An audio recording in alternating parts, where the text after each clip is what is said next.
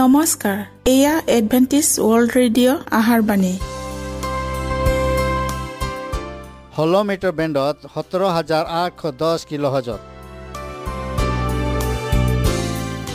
Adventist world radio যোগে অসমীয়া ভাষাত প্ৰচাৰিত আহাৰ বাণী প্ৰত্যেক বুধবাৰ আৰু দেওবাৰ সন্ধিয়া সাত বজাত আহাৰ বাণী শুনাৰ পিছত আপোনালোকৰ কিবা মন্তব্য আৰু প্ৰশ্ন থাকিলে আমালৈ এই ঠিকনাত লিখক। আমাৰ ঠিকনাটি হৈছে Adventist World Radio' seven day Adventist মণ্ডলী অসম শাখা লতাকাটা বশিষ্ট গুৱাহাটী সাত আঠ এক শূন্য দুই ন।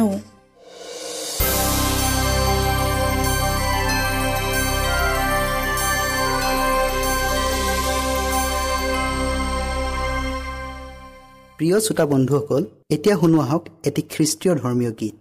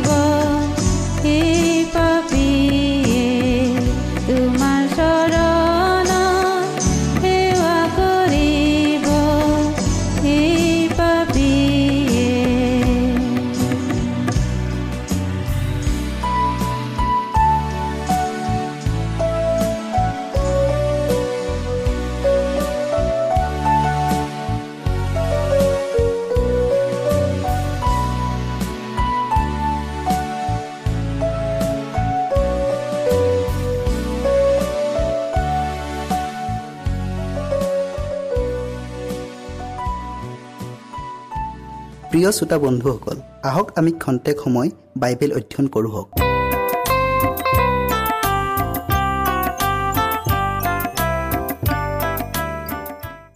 আজিৰ বিষয় হৈছে যীশুখ্ৰীষ্টই এটা নতুন পবিত্ৰ দিন স্থাপন কৰিছিল নে দেওবাৰ দিনৰ পবিত্ৰতাৰ বিষয়ে সাধাৰণতে বহুতৰ ধাৰণা এই যে খ্ৰীষ্টে তেওঁৰ পুনৰুত্থানৰ সময়ত সপ্তম দিনক সপ্তাহৰ প্ৰথম দিনলৈ সলনি কৰি দেওবাৰ দিনটোহে বিশ্ৰাম দিন বুলি পালন কৰিবলৈ খ্ৰীষ্টিয়ানবিলাকক আদেশ দিলে। খ্ৰীষ্টীয় ধৰ্ম বিষয়ক সাহিত্যবিলাকত আৰু প্ৰায়বিলাক গীৰ্জাৰ চিত্ৰাকৰ্ষণীয় প্ৰকৃতাবোৰত দেওবৰীয়া ঈশ্বৰ উপাসনাৰ এইটোৱেই কাৰণ বুলি জনোৱা হয়। বাস্তৱিকতে যদি ই সঁচাই হয় তেন্তে সকলো খ্ৰীষ্টিয়ানবিলাকে এই বিষয়ে নিসন্দেহ হ'ব পাৰে। আৰু খ্ৰীষ্টীয় অনুগামী প্ৰত্যেক ভক্তই বিনা দ্বিধাই সপ্তাহৰ প্ৰথম দিনটোহে পবিত্ৰ দিন বুলি মান্য কৰিব লাগে। খ্ৰীষ্টই আমাৰ আদৰ্শ। গতিকে আমি তেওঁৰ খোজত খোজ পেলাই যোৱা উচিত। কিন্তু খ্ৰীষ্টে সঁচাকৈয়ে উপাসনাৰ দিন সলনি কৰিছিল নে? শিষ্যবিলাকক তেওঁ এনে কোনো আদেশ দিছিল নে? যি আদেশৰ দ্বাৰাই সেইবিলাকে সপ্তাহৰ সপ্তম দিনৰ সলনি প্ৰথম দিনটোহে পবিত্ৰ দিন বুলি মানিবৰ ব্যৱস্থা কৰিবলগীয়া হৈছিল? এই অতি আৱশ্যকীয় প্ৰশ্নৰ উত্তৰ আমি ক'ত বিচাৰি পাম? কিয়? বাইবেলতে পোৱা নাযায় জানো? বাইবেলৰ কোন পুস্তক বা অধ্যায়ত আমি ইয়াৰ অনুসন্ধান পাম? বাইবেলত থকা খ্ৰীষ্টীয় জীৱনকালৰ ঘটনাৱলীৰ সপ্তাহৰ প্ৰথম দিনৰ সম্বন্ধে লিখিত আটাইবিলাক বচন অধ্যয়ন কৰিলেই যে এই প্ৰশ্নৰ উত্তৰ পোৱা যাব ইয়াক সকলোৱে সমৰ্থন কৰিব। এই বিষয়ে কোনো বৃহৎ পুস্তক নতুবা বাহুল্য ৰচনা আদিৰো প্ৰয়োজন নাই। কিয়নো বাইবেল শাস্ত্ৰত যীশুৰ জীৱনকালৰ ঘটনাৱলীৰ পুস্তক কেইখনত কেৱল ছয়বাৰহে সপ্তাহৰ প্ৰথম দিনৰ উল্লেখ আছে। তদুপৰি এই সকলো শাস্ত্ৰীয় বচন বুজিবলৈ আমি শাস্ত্ৰজ্ঞ পণ্ডিতো হ'বৰ কোনো প্ৰয়োজন নাই। কিয়নো সেই সকলো সৰল ভাষাত স্পষ্টভাৱে লিখা সাধাৰণ ঘটনাৱলী মাথোন তাকেই আমি চাওঁ হওক ইয়াৰে মাজৰ চাৰিটা বচনৰ কোনো ব্যাখ্যাৰেই আৱশ্যক নাই। মুঠিয়ে লিখা সুবাৰ্তাত আমি পাওঁ যে কিন্তু বিশ্ৰামবাৰ অতীত হৈ সপ্তাহৰ প্ৰথম দিনৰ আৰম্ভ ওচৰ চাপিলত। মগদলনী মৰিয়ম আৰু আন মৰিয়মে মৈদাম চাবলৈ গ'ল। মাৰ্কে লিখিছে বিশ্ৰামবাৰ গলত মগদলনী মৰিয়ম আৰু জাকুবৰ মাক মৰিয়ম আৰু চালমী ইবিলাকে তেওঁৰ গাত ঘঁহিবলৈ যাবৰ নিমিত্তে সুগন্ধি দ্ৰব্য কিনিলে। পাছে সপ্তাহৰ প্ৰথম দিনা অতি ৰাতিপুৱা সূৰ্য উদয় হলত সিবিলাকে মৈদামলৈ আহোঁতে। লোকে লিখা সুবাৰ্তাত একে ধৰণৰ ঘটনাৱলীৰ বিষয়ে পোৱা যায়। পাছে সিবিলাকে বিধানৰ দৰে বিশ্ৰামবাৰে জিৰাইছিল। কিন্তু সপ্তাহৰ প্ৰথম দিনা অতি দুখমোকালিতে সেই যুগুত কৰা সুগন্ধি দ্ৰব্য লৈ মৈদামৰ ওচৰলৈ আহিল। জোহনৰ সুবাৰ্তাখনতো সেই একে ভাৱকে পোৱা যায়। পাছে সপ্তাহৰ প্ৰথম দিনা অতি ৰাতিপুৱা আন্ধাৰ থাকোঁতেই মগদলনী মৰিয়মে মৈদামৰ ওচৰলৈ গৈ মৈদামৰ পৰা শিলচটা অঁতৰোৱা দেখিলে। পুনৰ উত্থানৰ সম্বন্ধীয়া বাকী দুটা পদ চাওঁ হওক লোকে লিখা সুবাৰ্তাৰ আন এটা পদ পঢ়িলে এই সম্বন্ধে আৰু বেছি স্পষ্ট ভাৱ ওলাই পৰে। দেওবাৰৰ পবিত্ৰতাৰ বিষয়ে কিবা সুংসূত্ৰ আছেনে নাই? তাকেই বিচাৰ কৰি চাবলৈ আমি সেই পদকেইটা তন্ন তন্ন কৰি পৰীক্ষা কৰি চাওঁ হওক আমি পাওঁ। সপ্তাহৰ প্ৰথম দিনা ৰাতিপুৱা তেওঁ পুনৰুত্থিত হৈ যিজনীৰ পৰা তেওঁ সাতোটা ভূত খেদাইছিল সেই মগদলনী মৰিয়মক প্ৰথমতে দেখা দিলে। তাতে তাই গৈ সুখ আৰু ক্ৰদন কৰি থকা তেওঁৰ পূৰ্বৰ সংগীবিলাকক বাৰ্তা দিলে। কিন্তু তেওঁ জীৱিত আছে আৰু তাইক দৰ্শন দিলে বুলি শুনিলত সিবিলাকে অবিশ্বাস কৰিলে। তাতে সিবিলাকে গৈ আনবিলাকক সম্বাদ দিলে। কিন্তু সেইবিলাককো বিশ্বাস নকৰিলে। পাছে এঘাৰজনে ভোজনত বহি থাকোঁতে তেওঁ সিবিলাকক দেখা দিলে আৰু তেওঁৰ উত্থানৰ পাছে তেওঁক দেখা পোৱাবিলাকক বিশ্বাস নকৰাৰ কাৰণে সেইবিলাকৰ অবিশ্বাস আৰু কঠিন মনক গৰিহণা দিলে। লোকে লিখা বিৱৰণ হুবহু একেই। কিন্তু সেইবিলাকৰ দৃষ্টিত সেইবোৰ কথা অনৰ্থক গল্প হোৱা যেন লাগিল। সিবিলাকে তিৰোতাবিলাকক অবিশ্বাস কৰিলে। কিন্তু ভূত দেখিছোঁ বুলি ভাবি সিবিলাক ভয়াতুৰ আৰু ত্ৰাসযুক্ত হ'ল। তোমালোকৰ মনত কিয় উগুল থুগুল লাগিছে? মোৰ হাত ভৰি চাই জ্ঞাত হোৱা। মইহে মোক স্পৰ্শ কৰি চোৱা। কিয়নো মোক যেনে দেখিছা তেনেই আছো। সেইৰূপে আত্মাৰ হাৰ মঙহ নাই। আমি সুধিব খোজো যে দেওবাৰক পবিত্ৰতাৰ সমৰ্থনযুক্ত কিবা আৱাস অকণমানিও এই পদ কেইষাৰত পোৱা যায়নে? যিহেতু শিষ্যবিলাকে খ্ৰীষ্ট যে জীৱিত হৈ উঠিল তাকেই বিশ্বাস কৰা নাছিল। তেন্তে কেনেকৈ আমি ক'ব পাৰোঁ যে তেওঁবিলাক প্ৰভুৰ পুনৰুত্থানৰ সন্মানাৰ্থে এক লগ হৈ গোট খাইছিল? কোঠা এটাত একেলগ হৈ গোট খোৱাটোৱেই ধৰ্ম উপাসনাৰ সভা বুলি যদি কোনোৱে যুক্তি কৰে তেন্তে ইয়াৰ প্ৰসংগতাৰ প্ৰমাণ স্বৰূপে ইয়াকেই ক'ব পাৰি যে এঘাৰজন শিষ্য একেলগে থকা ভালেমান দিনৰে পৰা এটা অভ্যাস আছিল। দ্বিতীয়তে পাচনি কৰ্মৰ প্ৰথম অধ্যায়ত আমি পাওঁ যে কোনো এক ওপৰ কোঠালি এঘাৰজন থকা ঠাই আছিল। গতিকে উপৰোক্ত শাস্ত্ৰপদ কেইটাৰ দ্বাৰাই আমি কেৱল ইয়াকেহে বুজিব লাগে যে এঘাৰজন শিষ্যই ওপৰ কোঠালিত যিহুদীবিলাকৰ ভয়ত দুৱাৰ জপাই ভয়াতুৰ আৰু ত্ৰাসযুক্ত হৈ গোট খাই থাকোঁতে খ্ৰীষ্টীয় সিবিলাকৰ মাজত অকস্মাতে উপস্থিত হৈ সিবিলাকৰ অবিশ্বাসৰ কাৰণে সেইবিলাকক গৰিহণা দিলে।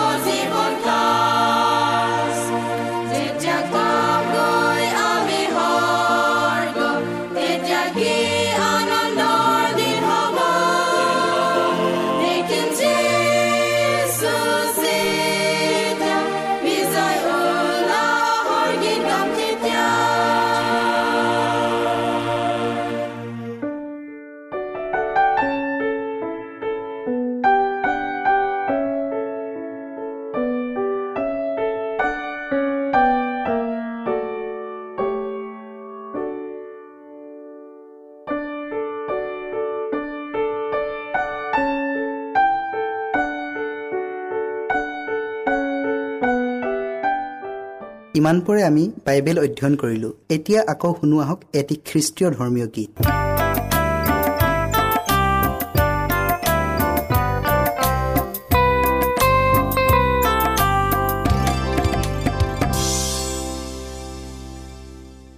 পঞ্চাছদিনীয়া পৰ্বৰ দিনা শিষ্যবিলাকৰ ওপৰত পবিত্ৰ আত্মা নামি পৰিছিল।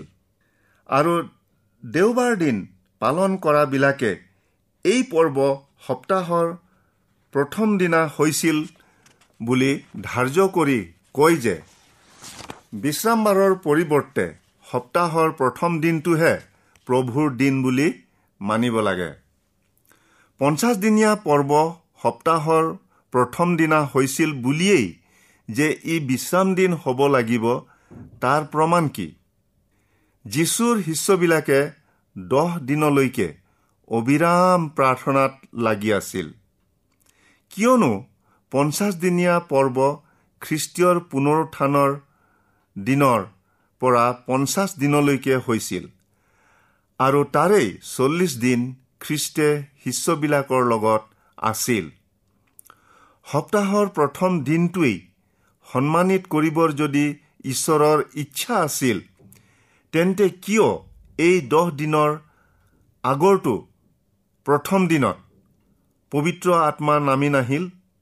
পবিত্ৰ আত্মা অহাৰ আগতেনো পঞ্চাছদিনীয়া পৰ্ব হ'ব লাগিছিল।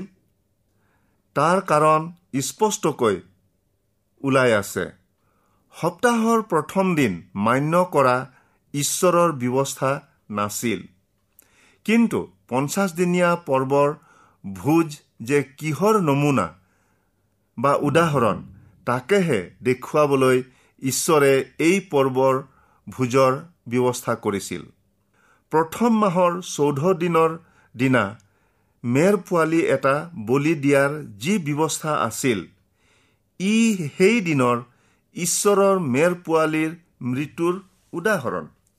প্ৰথম মাহৰ ষোল্ল দিনৰ দিনা শস্যৰ প্ৰথম ফল দান দিয়াৰ প্ৰথাই প্ৰভুৰ সেই দিনৰ পুনৰুত্থানৰ উদাহৰণ। অৰ্থাৎ তেওঁৱেই মৃতলোকৰ প্ৰথম ফলস্বৰূপ। এতিয়া থাকিল ইয়াৰ পঞ্চাছ দিনৰ পিছৰ পঞ্চাছদিনীয়া পৰ্ব কিহক বুজায়? পঞ্চাছদিনীয়া পৰ্বৰ ভোজ কোন দিনত পৰিছিল? তাক অকল যে বাইবেলতেই কোনো উল্লেখ নাই এনে নহয়। কিন্তু দেওবৰীয়া ভক্ত শাস্ত্ৰজ্ঞ পণ্ডিতসকলৰ মাজতেই এই বিষয়ে মতভেদ আছে।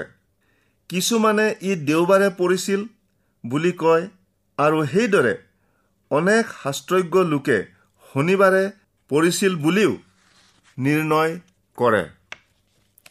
বাস্তৱিকতে পঞ্চাছদিনীয়া পৰ্ব কোন দিনত পৰিছিল? তাৰে সঠিকতাৰ সম্বন্ধে শাস্ত্ৰজ্ঞ পণ্ডিতসকল যিহেতু মত ভিন্ন। তেন্তে এই দিন দেওবাৰে পৰিছিল বুলি ভাবি লৈয়েই ইয়াক বিশ্ৰামবাৰ বুলি পালন কৰা মতাৱলম্বীসকলৰ কাৰণে বৰ দুখৰ বিষয়। এই দিন কি বাৰে পৰিছিল? তাৰ বিশেষত্ব খ্ৰীষ্টিয়ানবিলাকৰ একান্ত প্ৰয়োজন বুলি প্ৰভুৱে উচিত দেখাহেঁতেন। ইয়াক নিশ্চয় বাইবেলত স্পষ্টভাৱে প্ৰকাশ কৰিলেহেঁতেন।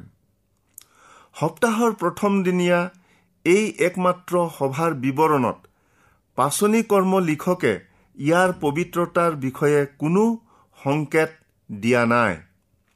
অকল এই পদকেইটাতে নিৰ্ভৰ কৰি দেওবাৰ দিন পালনৰ কোনো উপলক্ষ উলিয়াব নোৱাৰি। এই দিনত শিষ্যবিলাকে প্ৰভুৰ ভোজৰ পিঠা ভাঙিছিলত বুলি যদি কোনোৱে যুক্তি আনে তেন্তে তাৰ প্ৰথম উত্তৰ এই যে শিষ্যবিলাকে সেই দিনত প্ৰভুৰ ভোজৰ পিঠা ভাঙিছিল বুলি শাস্ত্ৰীয় বচন নাই। দ্বিতীয়তে ঘৰে ঘৰে পিঠা ভাঙি আনন্দৰে আৰু সৰলতাৰে খোৱা বোৱা কৰা শিষ্যবিলাকৰ এটা অভ্যাস আছিল। ট্ৰুৱাত বহা এই সভা আমি আন এফালেদি চাওঁ হওক। পিঠা ভঙা কাৰ্য মাজনিশাৰ পিছত হৈছিল। কিয়নো পৌলে মাজনিশালৈকে শিষ্যবিলাকৰ আগত বক্তৃতা দি আছিল। তাৰ পিছত উটুখক সুস্থ কৰি এটাইহে পৌলে পিঠা ভাঙিলে।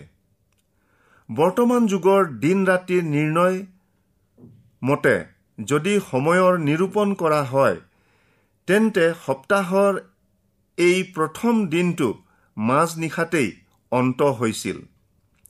সেয়ে হ'লে পৌলৰ পিঠা ভঙা কাৰ্য দ্বিতীয় দিনত অৰ্থাৎ সোমবাৰে হৈছিল।